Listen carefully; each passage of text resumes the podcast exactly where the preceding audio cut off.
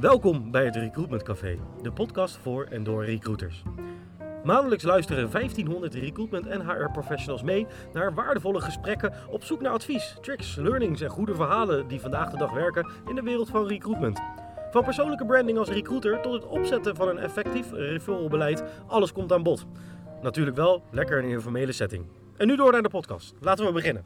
En we hadden al eh, heel lang AI volgens mij, maar dat was dan meer afwezigheid van intelligentie dan artificiële intelligentie. Ja, welkom bij het eh, Recruitment eh, Café. We gaan het hebben over artificial intelligence, oftewel AI. We horen het overal om ons heen, maar de v- meningen verschillen nogal. Van de doembeelddenker die naar de Terminator wijst tot de optimist die kansen ziet. Worden we allemaal vervangen of alleen de mensen die niets met artificial intelligence doen of gaan doen? Of valt het allemaal wel mee? De mogelijkheden zijn eindeloos, maar wij gaan het natuurlijk hebben over AI binnen ons vakgebied. En dat ga ik doen met Geert-Jan Waasdorp, directeur en oprichter Intelligence Group. En Edwin de Jonge, managing partner Time to Hire. Welkom beiden. Uh, om maar gelijk even met de deur in huis te vallen. Wie is eerder zijn of haar baan kwijt? Ik als recruiter of mijn collega's aan de HR-kant? Ja, kom er maar in, zou ik zeggen. de recruiter. Ik sprak eh, tal, eh, Steam Talmark, eh Ricardo Riesmezoon. Die zei, we hebben al campagnes gemaakt die nagenoeg geheel op AI zijn gemaakt. Mhm. En dan praat je over EVP, over strategie, over eh, eh, creatie. Ja. Eh, dus die Maar je hebt nu tegenwoordig al apps waar je eigenlijk gewoon bedrijfsnamen, eh, USP's, gewoon eigenlijk een heel bedrijf kan neerzetten, zeg maar op papier binnen een paar minuten, zeg maar. ja, een website binnen 30 seconden. Ja, ja. dus je kan een hele wasstraat maken, zeg maar, aan het, eh, als je met bedrijven aan, aan de slag wilt om, om- om dat neer te Je zetten. ziet wel dat het smaakloos is. Dus je, je- zeker als je nog niet goed die prompts kunt schrijven. En dat, is, dat professie die is, is nu sterk in ontwikkeling. Dan, noem ik, dan vergelijk ik het vaak met een stuk kipfilet. Waar net nog geen peper of zout op zit. Het is smaakloos. Het is kipfilet. Het is, het, Ja, het- het is kipfilet in de pan toets. en verder eh, niks. Het is algemeen, het is wollig. ehm, maar ik, uh, Maar toevallig even- vanochtend in de auto eh, luisterde ik een, eh, ehm, nou, iets ergens op het nieuws. Ik ben even vergeten hoe het heet.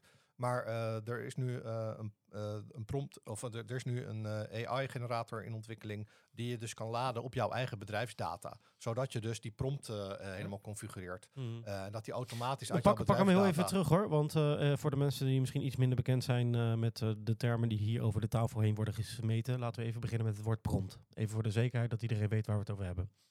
Ja, nou, een prompt is eigenlijk een schabloon waarmee je de eh, AI-generator opdracht geeft om informatie te gaan verzamelen. Dat is, dat is de vragen je- die je stelt om Ja. tot het antwoord te komen eh, Ja, die dus- je krijgt. zeg ja, dus, dus eh, stel hè, Mhm. je gaat iets maken in. Word en dat, eh, dat, dat wil je voor een bepaalde, eh, met een bepaalde context doen Ja. en in, in een bepaald format. Dan kan je aan de AI meegeven in wat de tone of voice moet zijn, wat voor stuk het is. Je kan AI een, een rol toedichten. Dus je zegt, eh, je, je bent een docent die het moet beoordelen. Of je Ja, bent een, eh, Mhm. Dus je Makes kan de, de rol van de AI, eh, hoe moet ze zich gedragen. En vervolgens kan je allerlei parameters meegeven waar die aan moet voldoen. Dus verwerk deze content erin. Ja. Kijk naar mijn webpagina. Je kan hele stukken tekst erin laden. Je zegt, je moet deze elementen meenemen. Mhm. En de, de prompt, zeg maar, kan je net als een schabloon, hè, dus een herhaling van, van een behoefte, kan je, in, kan je inladen. Zodat je, eh, nou, je moet een persbericht schrijven als bedrijf. Dus kan je, daar zitten een aantal vaste kenmerken in. En Mhm. die kan je meegeven aan de AI. Zodat je niet elke keer opnieuw dat hele ding hoeft eh, in te richten. Ja, want dit vind ik nou interessant, want ik vind altijd kijken van wat, wat gaat er gebeuren en wat kunnen we ermee. Kijk, uiteindelijk eh, hebben we zo net gezegd, wie is als eerste zijn baan kwijt, heel even gechargeerd, de recruiter. Maar het nee, tussen de recruiter en HR. Ja, wel- ja, precies, sorry, sorry. Eh, Nee. Het is even, even, ik even, denk even dat er anderen zijn die, die Er zijn- er zijn, eh, banen die Sowieso zijn- de recruiter. Ja, ja, ja, de- Altijd de recruiter. We krijgen nog steeds overal de schuld van. ja. Maar, maar, dan Hopelijk komen, ook van de goede dingen. maar dan komen we natuurlijk wel bij uit waar we ook bij het begin zaten van uiteindelijk de industriële revolutie zorgde voor meer banen uiteindelijk, omdat wel mensen bang waren dat er juist minder banen zouden zijn. Uh, maar nu komen we dus uit van uh, bij recruitment zijn er gewoon een aantal de zaken die je uh, door ChatGPT kan laten doen of door AI. Laten we het even vacatures schrijven. Ik zag dat er al een beta dingetje op LinkedIn was om in-mails voor je te schrijven die op basis natuurlijk van iemands uh, LinkedIn profiel iets daar maar moois van maakt. Uh, dus dat zijn allemaal beginnetjes. Dat zal alleen maar steeds beter worden. Dus daar moeten wij recruiters mee leren leven en mee leren werken om, om daar goed mee te zijn. Maar welke banen gaat dit creëren? Want ik hoorde net ook al prompt schrijven wordt een nieuwe skill. Um, vragen stellen? Is echt vragen stellen eigenlijk. Want eigenlijk doen we het al. Maar dat is wel een iets diepere manier van vragen stellen op een bepaalde manier om de juiste uh, uitslag of de juiste dingen eruit te krijgen. Ja, maar als je even kijkt hè, naar die, uh, en als we even teruggaan weer naar die industriële revolutie. Repetitief, uh, eenduidig werk, daar wordt volgens mij niemand op de lange termijn heel erg blij van. Als we naar de Maslow-pyramide kijken, dan is zingeving eh, zit helemaal bovenin eh, zijn driehoek. Mhm. Nou, die veiligheid en geborgenheid hebben we nou, voor het grootste deel in ieder geval in Nederland. eh, eh, eh, dat is een andere politieke discussie, maar ge- eh, gecoverd. Ehm, dus als we meer kunnen bewegen richting die zingeving en eh, zinvol werk en het repetitieve werk kunnen automatiseren, wat we ook al hebben gedaan met eh, eh, de automatisering in eh, de productiefactoren, robots, computers, de hele set, dan denk ik dat we eh, als mensen eh, beter af zijn. En welke banen dat dan precies eh, eh, zijn. Nou, ik denk als je eh, in een baan zit waar je heel eenduidig repetitief werk doet de hele dag, dat je dan eens moet nadenken of eh, misschien AI je kan helpen om daaruit te ontsnappen. Ja, maar als het zo goed werkt ehm, dat het je werk overneemt, dan- dan moet je jezelf ook weer gaan diversificeren om, om te zorgen dat je eh, uniek blijft en nodig blijft, toch, in het werkveld. Eh Jazeker. Maar goed, dat is ook altijd natuurlijk. Ik denk dat, je, ik denk dat er zo overvloed komt eh, van eh, fake news bijvoorbeeld. En eh phishing mail en, en oplichting en deepfakes. En, eh, dus ik, ik verwacht dat er ongelooflijk veel meer in training zal gebeuren. Dus mensen zich daar eh, bewust van maken. Ik denk Ja. dat eh, we elkaar vaker fysiek zullen zien weer. Dus dat er een aantal dingen die, die we eerst online deden. Dat we, omdat ik eigenlijk niet meer zeker weet dadelijk... eh, we zitten, wij zitten hier gelukkig live. Maar als we dit virtueel deden, zat ik echt met Edwin om de tafel. Ja, Hè, dus een dat- stukje veiligheid eh, eh, daarin. Ja, dus de, er zal, eh, de snelheid waarmee eh, eh, oplichters nu dit d- dom- eh, terrein winnen Mhm. en, en bedrijven eh, eh, zich daarvan bewust moeten zijn en op de hoede zijn. Mhm. Ja, daar, daar, zal, daar zal een hele nieuwe industrie ontstaan, denk ik, eh, in, op het gebied van digital security. En ook eh, mensen daar bewust van worden. En, en wat ik vooral ook denk, is dat er een aantal, en gelukkig maar, we hebben tegenwoordig 40% die hoog opgeleid is. Dat is, dat, is. En we hebben helemaal geen 40% hoog opgeleide nodig. We hebben vooral met slimme handjes nodig. Ik vind die campagne van Randstad ook briljant. Hè? Als je Ja. slim bent, ga je iets met je handen doen. Dan moeten we dat ook nog een keer op die manier belonen. Maar ik ben het daar helemaal, ik ben er helemaal, voor- helemaal voor. Dus dat je, dat je vooral ook zorgt dat we wat, wat samenleving kritisch is, onderwijs, zorg, eh, eh, dat we juist daar de mensen naartoe kunnen schuiven. En misschien zit daar veel meer een roeping dan eh, achter een kantoor beleidsnotities schrijven. Ja, Ja. zeker weten. Dus je kan eigenlijk zeggen, misschien kunnen we wel kijken van dat er inderdaad heel veel repetitieve banen geautomatiseerd daarin kunnen worden. En de mensen die juist daar hebben, die zingeving kunnen zoeken bij eh, maatschappelijk kritische eh, plekken in de, in, de, in de wereld. Inderdaad, zoals onderwijs, zorg, eh, et cetera. Ja, maar ook wel dienstverlening, eh, eh, horeca, schoonmaak. eh, Mhm. zo- Zo'n mooi fotootje dat, eh, dat, eh, dat iemand staat te schoonmaken voor een stelling met allemaal robotstofzuigers. Hè, dus, dus over, over veranderingsbereidheid. En we praten over dingen. Ik, ik denk dat ik in. Ik heb de eerste maanden van dit jaar slecht geslapen. Omdat ik zag wat, wat, wat de impact was. En eigenlijk het absurde. Wat die large language models aan het doen waren. En, en hoe, hoe makkelijk ik als niet-programmeur of codeerder of eh, eh, Mhm. software developer in één keer dingen kon doen. Ik kan geen R schrijven, ik kan geen Python schrijven, doen mensen bij mij op kantoor, maar kon voor de eerste keer met ze meepraten. Of het, althans, ik kon net doen alsof ik begreep wat ze deden, Ja. want ik kon het gewoon vragen aan ChatGPT, code invoeren en zeggen wat gebeurt hier. Dus het maakte, ik kreeg nieuwe skills, maar ik sliep daar in de eerste maanden eh, vrij slecht van en ik heb bij toch bij meerdere gezegd, nou jongens, als het niet deze zomer, en de zomer is bijna voorbij, niet bij jou op de boardroom op de directie staat, dan staat het aan het einde van het eh, jaar wel. Want dit, is, dit gaat met een snelheid. Dat, ik, dat is ongekend. We Ja, dus voor alle, voor alle recruitment eh, eh, managers die nu eh, beginnen na te denken over een recruitmentplan voor volgend jaar, dit staat, eh, moet erop staan, punt. Nou ja, dan als, je, als de recruit manager erop sta, op staat, loopt hij nog steeds voor. Want we zijn nu, eh, we, we zijn nu acht maanden verder, Mhm. of negen maanden verder na de introductie eigenlijk groots van eh, de GPT's en Mhm. OpenAI. En de meesten moeten nog, nadat ze het een keer of twee keer hebben geprobeerd, is het in een la verdwenen. En ja, Mhm. gaan we toch gewoon verder met datgene wat we altijd. Hoe vaak gebruik deden. jij het in je huidige werk momenteel? Even los van de trainingen die ik daarvan ja, van gewoon geef. even los, gewoon voor je huidige werk. Ik denk max een puur praktisch half uur, eh, eh, half uur per dag. En- en waarvoor gebruik je het dan? Eh, dus inderdaad eventjes... la- laatst kwam iemand bij mij om te zeggen... ja, we moeten naar Apache Sparks of een Lavarel. Mhm. En dat ik niet weet wat het is. En dan vraag ik Mhm. gewoon letterlijk... Wat, wat kan ik ermee? Wat zijn de pros en cons? En is conflictering met, met de SQL-database. Ja. Dus dan, dan krijg ik eigenlijk een managementvraag... of managerial antwoord waar ik... Waar ik dat scheelt me dat scheelt me dagen. Ik Ja. was daar Maar hopen dan dat de AI niet gaat fantaseren dan. Eh, Nee, nee, nee. Maar dus de, de feitelijke check ligt toch nog bij de menselijke maar intelligentie. hoe Maar had ik- je dat anders uitstel dat deze vraag twee jaar geleden ingesteld was? Hoe was je dan aan het antwoord gekomen en hoe lang had je dat geduurd? Nou, dan had ik waarschijnlijk met een paar recruiters uit mijn netwerk gesproken. eh, die in de tech, eh, techhoek zitten. Of ik had instructiefilms op You- YouTube gekeken. Ja. En dan had ik er iets. En dan had ik. Maar dat, of je, als je daar je tijd van kunt. Of nou, daar, misschien. Eigenlijk had ik veel meer nog gewoon vertrouwd op de expertise. eh, van, eh, van de mensen die daarmee komen binnen de organisatie. Maar het is ook wel belangrijk op het moment dat ze met zo'n voorstellen komen. dat je in ieder geval even een paar checkvragen stelt. Hè. Het hoeft niet meteen.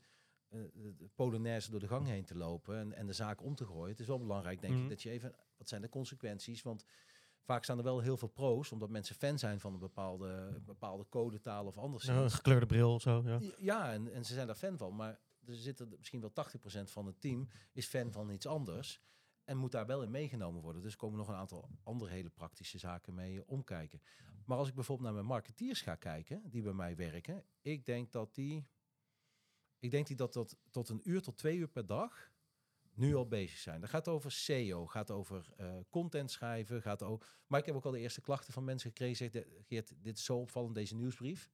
Ja, dat, dat druipt GPT vanaf. Dat, Ja. dat moeten we niet meer doen. Hè? Dus je ziet daar, je ziet ook wel een corrigerend eh, vermogen. Maar, dat zijn, ja, maar vooral ook omdat die GPT's enorm helpen met het voorkomen van taalfouten. Eh, inspirering, eh, inspiratie kunnen doen. Want als je geen contentschrijver bent en je bent wel marketeer, en je, dan wordt er toch wel van je verwacht om af en toe iets uit je vingers te laten glijden. Mhm. Ja, dan, dan zet dit echt wel aan en bespaart je, bespaart je Ja. een gigantische hoeveelheid tijd. Ja. Edwin, dezelfde vraag aan jou? Eh, ja, ik heb een aantal tools eh, meedraaien die eigenlijk gewoon de hele dag eh, aanstaan om eh, gewoon ja, basisfunctionaliteit te ondersteunen. Een voorbeeld is een Magical in eh, LinkedIn. Ik krijg best een hele lading aan LinkedIn berichten. eh, nog niet eens alleen van recruiters, maar van allerlei mensen. En eh, die app die zorgt ervoor dat je gewoon eh, eh, heel snel of eigenlijk met één klik Ja. een, eh, an- een heel net antwoord formuleert. Ja. Zodat je je aandacht eh, kan richten op de mensen die je echt in een inhoudelijk antwoord wil geven. Dus eh, in plaats van het gewoon te negeren, te denken ik heb er geen tijd voor, eh, eh, ja, eh, heb, je, eh, heb je nu net, het net netjes afgehandeld. De andere kant krijgt een keurig berichtje terug dat je geen interesse hebt of later of wat dan ook. Ja, dat scheelt mij enorm veel tijd en frustratie. Nou ja, En- nou, en het het, voor het het scheelt je, het, dat je gewoon scheelt je, antwoord geeft. het scheelt je niet veel tijd, want eerst antwoordde je niet. dus eh, eigenlijk is Ja, maar dan gingen die mensen gingen me nog zes mailtjes Ja, eh, ja, berichtjes Het sturen. scheelt Dus tijd voor de- de ander. de- het scheelt- ja, maar het scheelt in de cluttering. Het is, het is in één keer afgehandeld. Oh, ja, ja. Ja, ik heb dezelfde, maar dan zit het al- bijna zit het al ingebakken in je systeem dat je het eigenlijk niet eens meer in de gaten hebt dat je op dat moment AI aan het, eh, eh, aan het gebruiken bent. Het stoort me af en toe wel dat je ook wel echt even moet corrigeren of de suggesties van de mail die Ja, soms, worden, eh, soms schiet hij er een beetje naast. of de, of de, of de ja, eh, maar het is Maar gewoon soms druk ik ook nog wel. Ja. Soms druk ik ook nog op het, eh, op het echte LinkedIn-knopje. En dan is mijn antwoord gewoon nee. En dan denk ik, oh, dat is ook niet de bedoeling. Dat is wel weer heel onaardig. Ja. Maar, maar inderdaad, eh, ik hoor hier al een paar voorbeelden hoe het jullie leven makkelijker maakt. Maar even naar de recruitment eh, kant. Ehm, we hadden hiervoor al even een kort gesprek over eh, de AI-knopjes in de verschillende ATS'en. Ehm, ik zag nu in Recruitie bij mij dat je ook via een AI-knopje de vacaturetekst kon laten opstellen. Moet heel eerlijk zeggen, eh, hebben we nog niet gebruikt. Ik gebruik zelf eh, Om eerst een opzetje te maken en daarna schrijf ik de rest zelf. Ehm, jij had daar een hele sterke mening over ook. eh. Ja, ik, eh, eigenlijk alle AI-integratie die ik in de HR-systemen op dit moment heb gezien, ook in de recruitment-systemen, vind ik eh, eh, beneden alle pijl. Eh, eh, daar zie je eigenlijk vooral dat ze de, de, de API-koppelingen hebben gemaakt. En hele domme, als ze al prompts gebruiken, ze vooral heel dom. Ja. Eh, gebruiken ze weinig intelligentie in. Eh, echter, eh, eh, neem ze niet kwalijk, want ze zijn zes, zeven, acht maanden later hebben ze dit moeten doen, omdat dat natuurlijk direct de vraag vanuit de markt is. Wat doe je er al mee? In aanbesteding moeten ze check the box. Dus eh, het is check the box. Ja, we hebben eh, AI erin zitten. Ja, we hebben open AI erin zitten. Eh, ja, we Ja, of iets- niet, hè? Want jouw data als bedrijf, als je het gebruikt, ligt ook op de straat. Nou, wat ik, wat ik vermoed dat ze, ja, als ze de prompt wegsturen, maar dan schieten ze een vacature, als ze al een vacaturetekst meeschrijven om hem te herschrijven. Maar ik denk dat ze bij zo'n recrutier ook gewoon nu zeggen, ze hebben de functiebenaming, ze hebben het opleidingsniveau, ze hebben eh, werkplaats en het aantal uren en dan gaat er een prompt heen, maak op basis van Mhm. dit een vacaturetekst. Ja, maar dan kom je Eh, bij die kipfilet uit. Ja, dat Ja, het, is, is heel, het is heel generiek. het is super, eh, super generiek. Daar zijn natuurlijk al wel wat verbeteringen op. Want je kunt daar gewoon eh, de poolfactoren en de arbeidsvoorwaarden vanuit andere API's in, eh, in meeschieten. Je kunt gewoon ook slimme prompts bouwen. Dan zie je bijvoorbeeld een tool doen als eh, Recruitment Accelerator. Die maakt eigenlijk een hele, die maakt eigenlijk slimme prompts. uit, uit meerdere API's en uit meerdere eh, AI's. Ja, en dan komt er, dan komt er wel iets werkbaars, eh, eh, werkbaars uit. Ja, maar ik denk toch, eh, als je onderscheidend wil zijn, zal je altijd die menselijke laag eroverheen moeten leggen. Het kan dienen ter inspiratie, wat jij ook net zegt, Kevin. Ik gebruik het als inspiratie. Of ik gebruik het om een aantal generieke kenmerken van een vacature weer te geven. Nou, die had je ook kunnen googlen, zeg maar even. Dan pak je gewoon een functieprofiel van een concurrent of zo. Eh, en die, en, en die, die kat je een beetje om. Dat is natuurlijk een beetje hoe we het vroeger deden. En nog Eh, steeds wordt dat met grote regelmaat gedaan. Maar, Ja. dus, eh, maar dus het gevaar van die privacy wat erin zit, ik denk dat dat echt wel een hekel punt is. Hè? Niet, ja, je is ook al verboden in een aantal eh, organisaties, hè? accountantsfirma's en waar vertrouwelijke informatie rondgaat. En ik merk zelf, als ik wat inspiratie ergens eh, ophaal, dat ik af en toe hele stukken krijg met gewoon bedrijfsnamen erin. En dat is dan toch wel, ja, eh, mij maakt het niet uit, maar als ik dat bedrijf als wiens naam daarin staat, denk ik, hmm, hmm, Mm. misschien dat je niet al die stukken moet. eh, Zeker inschieten. als het classified is, eh, zonder meer. Nee, we hebben een, op een congres spreekt, een, spreekt een dame vanuit deze kant. En die zegt eigenlijk letterlijk, al het gebruik van AI is per definitie een datalek. Hè, dus dan heb je nog niet gezegd of het een, of het een strafbaar datalek is, of dat het datalek is van stelling. privacy of noem maar op. Maar het is Mm. per definitie een datalek. Daarom, De data komt ergens vandaan, weet je. ja, en, en alles, zelfs jouw prompt die jij schrijft, Mhm. van eh, schrijf, een, eh, schrijf een lekker recept. Mhm. Alleen schrijf een lekker recept, dat is data dat je, dat je over, overbrengt. En dat zou dus per definitie een datalek zijn. Mm. Dat is wel, dan ben je heel zwart-wit op de leer. Eh, maar goed, als je die, eh, vanuit juridisch oogpunt kun je dat natuurlijk uitstekend doen. Daarom zul denk ik dat we de komende jaren zullen zien dat grote organisaties hun eigen AI gaan ontwikkelen. Of dat de Amazons en de, de Microsofts gewoon eh, uiteindelijk komen met, zeg maar, alles wat jij doet met AI blijft binnen jouw organisatie. Hè, dus waar we met z'n allen de cloud in zijn gegaan, ga je, daar, ga je straks stukjes AI in de cloud krijgen die gewoon puur en alleen eigendom zijn. Dat je van alles met die technologie kan doen, maar je niet de muren van jouw organisatie gaan verlaten. Nou, ik denk dat da- daar komt over nieuwe businessmodellen, daar ligt er een. En Ja. als je ziet... eh, Een lokale open source. Is dat dan? Of, eh, eh, ja, nou ja, een soort. eh, nou ja, eigenlijk als je nu kun je ook zeggen, alles wat je als je Microsoft gebruikt of Google gebruikt binnen een organisatie, ja, dat zit ook ergens in, in servers bij dat soort Ja. grote, grote Mhm. bedrijven.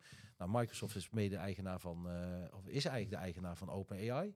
Die zijn aan het testen met Copilot. Dat is echt bizar, hè? De nieuwe Microsoft, Ja. hoe, hoe nieuwe Windows eruit, wat daar gaat doen. Het, Mhm. Ik vlieg, waar anderen ooit voor de iPhone naar Amerika zijn gevlogen, zou ik naar Amerika vliegen om, eh, om die pakketten te kopen. Nou weet ik wel dat dat niet meer hoeft, want ik ga gewoon met een VPN-netje die kant op. Maar Ja. eh, als die technologie beschikbaar wordt voor bedrijven, ja, dan, dan, dan komt privacy natuurlijk direct in gevaar. En eh, kun je dan nog wel bedrijfsstukken gewoon in je Word schrijven. mm. Hè? En, en gebruik maken van AI. Dus daar zal iets moeten komen dat je zegt, alles wat jij doet binnen de software wat geregistreerd binnen, is binnen jouw organisatie, blijf van je organisatie en zal nooit de grenzen van je organisatie verlaten. Maar dat hebben, daar hebben we nu natuurlijk ook al last van met telefoons en dergelijke. Dus eh, als jij wil dat iets vertrouwelijk is, dan moet je je telefoons en je laptops eh, buiten de kamer laten waar je dat gaat bespreken. Ja. En hij hoeft nog net niet met lood geïsoleerd te zijn, maar ik zou hem wel geluidsdicht uh, Of alleen in een zwembroek uh, in de Noordzee uh, zwemmen en dan uh, op 300 meter daar je gesprek voeren. En dan heb je nog kans dat... Ja, dan weet je nog niet wie er mee luistert. Nee, dat is natuurlijk echt wel verschrikkelijk. Ja. Uh, Mm. En we accepteren het allemaal uh, omdat het uh, ons heel veel gemak uh, oplevert. Maar daar hebben we natuurlijk wel gewoon een issue.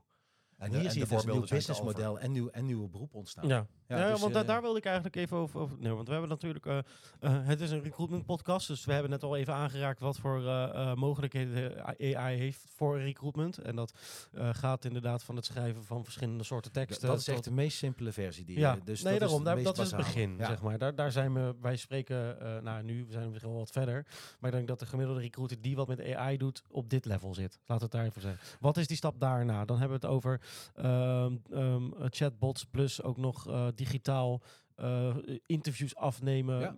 uh, waar geen recruiter aan te pas Ja. komt, uh, behalve je, want je tegen een avatar te praten, bewijs Eh, van. letterlijk, ja, de eerste ronde wordt zo, de eerste twee rondes worden op die manier afgevangen. Dat is ook al niks nieuws meer, want Mhm. die, die zijn er. Ja. Wie doet dat trouwens? Weet je dat even zo uit het hoofd te lepelen? Eh, er zijn eh, Wendy, eh, hoe heet dat? Eh, daar zit de Amerikaan? in. Wendy en die heeft een dubbele naam, Wendy en nog iets. Ja? Eh, eh, eh, nee, er zijn er, er zijn er meerdere. Dus de, de, de, over, de, de- met die vraag van overval je me nu even, dus dat ik dat zo. Eh, eh, geen, uh, geen probleem, dat is mijn fout. Maar eigenlijk alle beroepen die te maken hebben met informatieverwerking. En dat kan uh, kleinschalig zijn, dat kan van, de, van basiscommunicatie zijn. naar eh, verwerken van complexe databestanden, IT-analyse-functies. Daar eh, kan AI natuurlijk eh, door, die, door die patroonherkenning en eh, eh, al, die, al die kennis die daarin opgeslagen zit, een enorme rol spelen om je te ondersteunen eh, in, ehm, eh, in, de, in de denkprocessen. Ja, nee, maar even komen. Natuurlijk wat we net hadden, maar het, het screenen van eh, kandidaten automatiseren hebben natuurlijk het solliciteren via een chatbot, verbeterde gegevensanalyse en rapportages, geautomatiseerde video-interviews en ook een hele belangrijke, het verminderen van vooroordelen, van biases. Want daar zou AI in het recruitmentproces ook nog wel eens kunnen helpen. Daar, ver- Ja. daar, eh, daar, daar verschillende meningen over. Maar sowieso in, het, de, in de search, automatisch search, automatisch matchen, skillsverrijkingen eh, die je kan doen. Dus je kunt veel beter je interne databases gaan gebruiken. Toegang tot externe eh, databases wordt veel makkelijker. De hele skills-transitie waar we lang met elkaar over hebben gesproken is per direct opgelost door, door AI. Er zit wel een, eh, rondom AI hangt wel degelijk iets over die bias. Nou, per definitie is alles gebiased. Ja. Dus alles wat ontwikkeld is, zelfs als ze zeggen dit is non-biased, dat kan niet, want degene die het heeft ontwikkeld, gecontroleerd en noem maar op, Ja, heeft een bepaalde bias. En er hangt wel een zweem van die bias eh, rondom de e om AI, omdat eh, eerdere bots en screening tooling, zoals die Amazon heeft ge, eh, geïntroduceerd, die was dan weer heel discriminerend ten opzichte van vrouwen, omdat ze zeggen, ja, we zochten managers en de data uit het verleden maakte vooral dat we mannen aannamen die wit waren, dus we Ja. selecteerden daar ook op. Hè? Ja. Dus, eh, eh, dat is weer die, die eh, de data uit het verleden gebruiken voor de toekomst, zeg maar, Ja. waar we het eerder over hadden, ja? Ja, dus, maar ik heb, en wat je in de politiek ziet, is dat de nieuwe AI, zoals die large language models, die kunnen zichzelf niet verantwoorden waarom ze tot iets zijn gekomen. En in de matchings, als het gaat over matching zelf, moet je kunnen verantwoorden volgens de Europese richtlijnen. Eh, hoe je moet kunnen verantwoorden waarom er een match heeft plaatsgevonden. Nou, large language models kunnen dat niet. De, de search en match technologie, bijvoorbeeld van partijen als TextKernel, zouden dat beter kunnen. Mhm. Alleen, ik weet nog niet in alle gevallen of ze daar goed op zijn ingericht. Dus daar zie je nu een discussie Ja, maar we sorteren dan toch nog steeds. Hè? Want hoe, eh, hoe meer data we inladen, hoe, eh, hoe het gevaar is dan hoe, dat het ge- steeds generieker wordt. En daarmee is dus ook je onderscheidend vermogen eruit. En juist in dat onderscheidend vermogen, eh, daar zit de winst. Niet in het wit of in het zwart. Dat is het makkelijkst. Daar heb je ook niet een eh, model ja. voor nodig om je daarbij te helpen. Maar de winst zit juist in het grijs of op een andere manier er naar kijken. En dat is natuurlijk niet ehm, eh, weggelegd voor AI. Want dat zal, dat zal je een model moeten vertellen Ja. hoe die dat moet doen. En dan Dus- kom je people en culture element, kom je hier, eh, kom je Ja, alweer onder terug. andere, Ja. onder andere. Maar dus ook op die skills. Dus we moeten het eerst, we moeten het eerst gaan filteren. En als we dan ja, mensen zoeken die daarbij passen, krijgen we weer eenheidsworst. En nou, nou ja, als, als iets wel heeft, heeft geleerd, is dat je ja, allemaal dezelfde mensen bij elkaar, dat maakt niet een sterk team. Je hebt juist Nee, eens. diversiteit nodig. Nee. En laten we wel wezen, eh, je kunt in twee vergelijkbare disciplines zitten, Ru- eh, RPO Club A en RPO Club B. Totaal andere mensen. En eh, ik wil nog even terugkomen op die bot. Ja. Scotty. Scotty. Scotty, dat, dat is... Ja, Young dat- Capital was dat toch? Eh, nee, die dat- hebben daar gebruik van gemaakt. Scotty is een apart bedrijf. Ja? Oh ja. En Young Capital heeft twee of drie jaar geleden die, eh die Werf en Awards daarmee gewonnen. Maar Scotty zit, dat is, ja, dat is, eh, dat is mindblowing. Over, over, slimme, over slimme bots. Ja. Ja. En, en volgens mij was het Scotty of, of een andere AI die de laatste 40 minuten iemand aan de telefoon heeft gehouden. eh, Een Tesla, dit, iemand die geïnteresseerd was in een Tesla, om hem uiteindelijk een proefleer te, te laten doen. Ja, dat Nou, is ik ken, natuurlijk ik wel ken tof. heel veel chatbots die niet zo heel erg op AI zijn gebaseerd, die mij ook een half uur eh, aan de gang kunnen houden. Maar U ik raak bent er niet de minder vierde gefrustreerd door. Ja, je bent de Computer vierde says no. Ja. Dus, Nee, maar de robot, eh, robot recruiter Scotty screen tot wel 500.000 kandidaten per uur. Dat was een inzending van Young Capital. Eh eerdere podcast over gedaan ook eh, op eh, Werf N eh, met, met Young Capital. Dus als je daar verder in geïnteresseerd bent, scroll even een stukje terug op, op Spotify. Maar hiervan, dit vind ik eigenlijk, hè, dit, zeker als jij in volume recruitment zit, is dit een no-brainer. Ja. Dus de, dit, dit is gewoon, die, dit is je startpunt. Je moet, dan moet je niet, daar- en daarna moet je wel toetsen, als je dit niet onder controle krijgt, net zoals we op een gegeven moment Harvard hadden of andere tooling, als je dat niet onder controle krijgt, dan is er een reden voor, omdat je die bijvoorbeeld heel people en culture specifiek voor jouw organisatie is, of omdat je organisatie avers is. Maar hier begint het. Ja, want die, die, eh, het staat er ook inderdaad, eh pre-screenen met Scotty gaat 99,7% sneller dan zonder.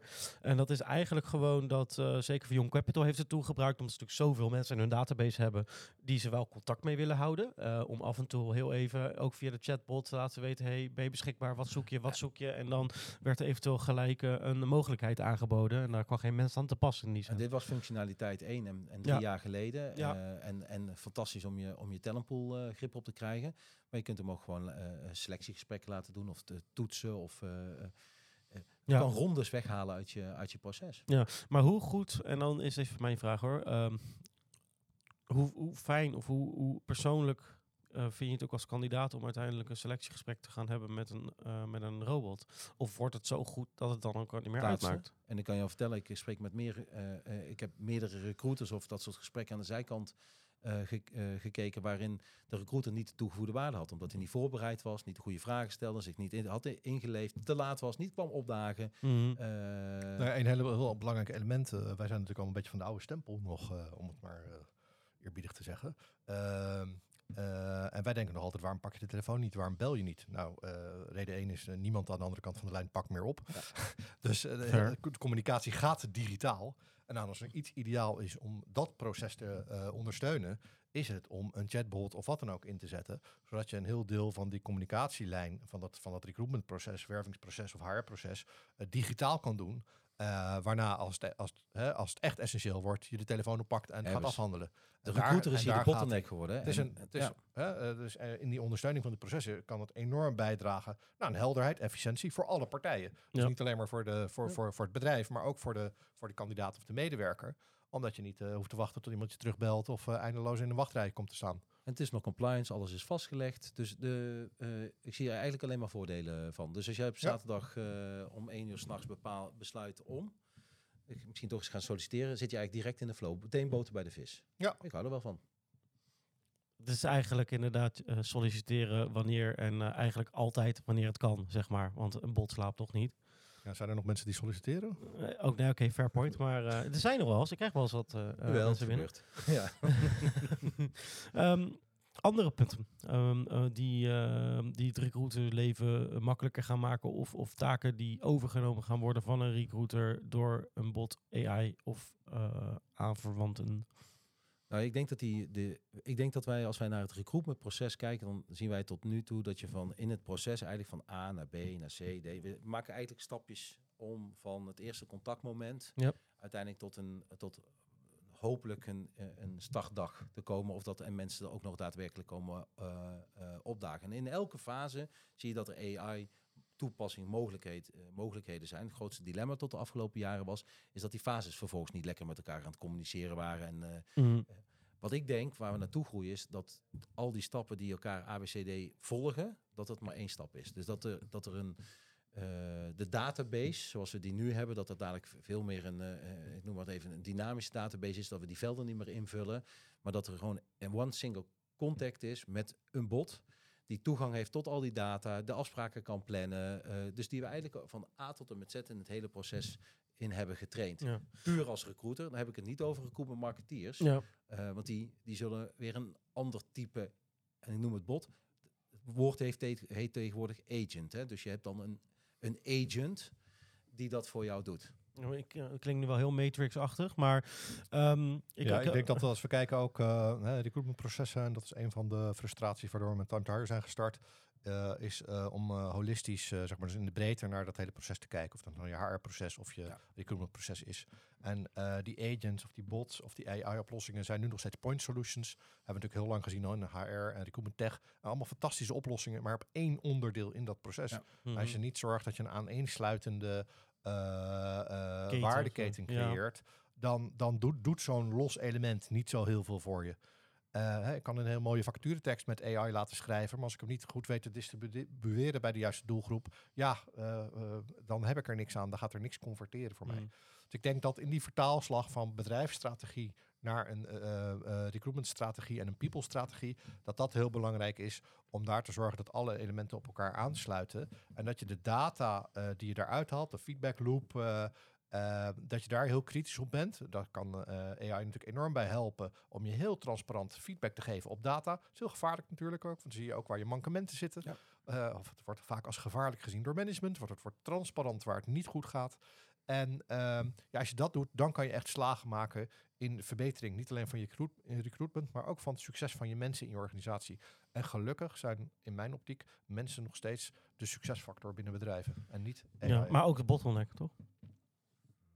Eh, ik, eh, ik praat liever over single point of succes dan single point of failure. Ja, ik. Ik, ik aan die kant ook. En als laatste eh, wat ik daaraan zou willen, of, nou, echt letterlijk zou willen toevoegen, is we hebben vandaag heel veel gesproken over hoe AI, of niet eens zoveel, we zijn pas eigenlijk heel kort begonnen over het onderwerp, hoe we met AI productiviteit kunnen verbeteren. Hè? Of Ja. dat nou search and match is, of dat nou eh, eh, content schrijven is, of anderszins.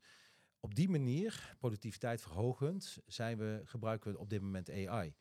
Ik denk dat de werkelijke vraag die recruitment managers zouden moeten stellen, is niet hoe kan ik mijn productiviteit verbeteren, maar hoe kan ik mijn candidate experience verbeteren, of mijn, of mijn time to hire verbeteren, of hoe kan ik mijn concurrent verslaan, of hoe kan ik, ik denk dat de, hoe kan ik in plaats van met 600 sourcers, een van mijn grote RPO-klanten in Amerika zitten, die gaan van 600 sourcers terug naar 50 Ja. opge dus die zijn gewoon op een andere manier eh, hier aan het kijken hoe ze AI kunnen gebruiken. Dus de vraag Mhm. die we onszelf moeten stellen is niet klein als recruitment manager, hè, dus niet klein, maar is heel, heel groot. Hoe ga ik de concurrent verslaan? Dus als ik eh, Ja, maar ik dan heb ik altijd het gevoel, eh, even misschien een raar voorbeeld, maar als iedereen die prompt gebruikt van hoe ga ik mijn concurrent verslaan, dat is hetzelfde als Johan Cruijff vroeger zei, eh, voor een wedstrijd in Spanje slaan alle 22 spelers een kruisje, dus als God zou bestaan, dan zou het altijd een gelijk spel worden. Ja. Dus, maar als, als iedereen dezelfde vraag stelt, dan kom je toch ook uiteindelijk niet... Nou, ik denk dat, ik denk dat het jaren gaat. Nou ja, ik denk dat, het, ik denk dat wij niet mee gaan maken. Eh, dat, dat 10% van onze doelgroep in staat zal zijn om een goede prompt te schrijven. Net zoals nog geen 10% van alle sourcers. eh, die vertrouwen eigenlijk allemaal op de, op eh, de recruiter sheet van LinkedIn. En zijn niet in staat om een boolean te schrijven. Ja, van X-ray, ja, precies. Dus, dat, dus dat is een, en dat geldt hier denk ik ook. hè. Het kaf en het koren wordt gesche- gescheiden door, ben jij in staat jouw mensen goed te trainen? En ik heb een paar keer met mijn eigen, vanuit Intelligence Group, met mijn eigen club eh, gezeten. En eigenlijk zou ik het veel meer moeten doen. Maar gewoon op die AI Friday met elkaar te gaan zitten en te filosoferen. ja. Wat kunnen we hiermee? En, en dan, eh, nou, ja, het enige grote probleem is dat, en dan worden we door onze eigen legacy beperkt, is dat we de tijd niet hebben voor de implementatie. En hier zie je, dus hier zie je zelfs, zelfs als een klein bedrijf, ik niet genoeg mee kan bewegen met wat we eigenlijk al aan kansen zien. Daarom ben ik bang dat het niet zo snel zou gaan als ik begin van het Ja. jaar riep. Eh, Maar ja, aan- maar het gaat gebeuren. Aan de andere kant was hier nog, eh, het is de, de, de, de, CEO of IBM heeft volgens mij ergens in mei gezegd dat ze rond de 8000 eh, rollen gaan, mensen gaan vervangen door AI, beginnend met HR inderdaad. Dus het begint nu al wel een balletje te rollen, ook bij grote bedrijven. Ja, dan. vooral bij de, de, de publishers, bij het, is, ik denk ook wel dat het nu AI het, het excuusbriefje is, wat gebruikt wordt, want deze partijen zijn totaal niet in staat om al, op, nou. IBM misschien een beetje, maar tot, nog Het was echt gewoon een mooi excuus om mensen te ontslaan. Is Volgens mij was het eh, de oprichter van IBM die zei dat er vier of acht eh, computers in de hele wereld nodig waren. Dat was zijn eh, wereldbeeld. Dat is wel, een, wel langer er geleden, toch? Dat was iets langer geleden. Maar dus de de jaren 70. voorspellende waarde van dit soort eh goeroes, nou, die neem ik graag met een korreltje Ja. zout. Wat ik Ehm, wilde... kijk, net, oh, ingaand op jouw eh, 12 eh, eh, of 22 voetbalspelers die dat kruisje slaan. Eh, het mooie van het AI-model is dat hij natuurlijk heel erg eh, zich kan identificeren, identificeren met jou als persoon of als bedrijf. En dan krijg je toch een hele, dan krijg je toch een differentiatie in uitkomsten. Ja. Dus je krijgt niet allemaal dezelfde uitkomst als je Nee. dezelfde prompt gebruikt. Nee, dat is denk ik heel belangrijk. Check, duidelijk. Hey, ehm, voordat we moeten afsluiten, want ik heb over een kwartier gewoon een intake met een kandidaat die ik helaas nog niet door een bot kan doen, die ik zichzelf moet, eh, moet doen. Dus eh, eh, eh, hierin ben ik even de bottleneck, dus we moeten van even gaan afronden. Maar we zitten inmiddels alweer uh, drie kwartier diep, dus dat is prima. Ehm, er zijn zoveel onderwerpen bij AI ehm, ehm, eh, op recruitment of wellicht ook op HR, dat het misschien ook handig is om te kijken van, joh, kunnen we dan eh, eh, de volgende keer een specifieker deel eruit pikken en daar dieper op ingaan. Dus inderdaad, wat we hadden net over, het schrijven van teksten, LinkedIn vacatures of de chatbots of noem maar op. Lijkt mij interessant om binnenkort weer eens een keer te gaan zitten om, om één van die onderwerpen verder uit te diepen, om ja, toch onze luisteraars wat diepgaandere informatie over de mogelijkheden. Ehm, en eigenlijk een beetje de updates te sturen eh, over AI. Want dit gaat zo snel. Als je daarover over volgend jaar weer een podcast maakt, eh, dan eh, loop je alweer achter. Om zo te zeggen. Misschien, ik denk dat die podcast door AI wordt gemaakt volgend jaar. Eh, ja, is prima. Ik, eh, ik doe wel een paar promptjes erin. Nou, in ieder geval kunnen we hem door AI in de real-time naar het Chinees brengen of naar het Spaans. Dus eh, de audience wordt eh, daarin weer vergroot. Ik, ik denk dat het een, ik denk, ik denk dat het waardevol, zinvol is. Mensen aan tafel zetten die mee aan het experimenteren zijn. De, de, de pitfalls, de positieve dingen eruit pakken. Misschien ook wel overwegen om er een cameraatje bij te zetten, zodat er ook nog wat eh, samples bij eh, Ja. gezet kunnen worden. Maar dat lijkt mij, dat lijkt mij buitengewoon interessant om te doen. Lijkt me een erg goed idee. Ja? En Dat geeft ons ook eh, misschien eh, meer tijd om hier eh, nog meer aandacht En, aan en te met besteden. deepfake kunnen, kan er toch nog iets gemaakt worden van mijn gezicht. Dus Ja, dat maar een is, eh, beetje een filtertje erover. Dat is dan de prijsvraag voor de volgende keer meteen. We hebben die nu al te pakken. Was dit echt Dat is of een niet? leuke dame die daarbij zat bij Edwin. Ja. ja, is een beetje een zware stem alleen. Eh, mag ik jullie bedanken voor, eh, voor deze interessante eh, aflevering. We gaan hem doorplannen voor een volgende om er wat dieper op in te gaan.